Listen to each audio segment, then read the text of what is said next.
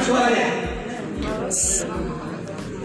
Selamat pagi anak-anak. Berkah dalam. Semoga hari ini kalian tetap sehat Tanpa suatu halangan apa pun.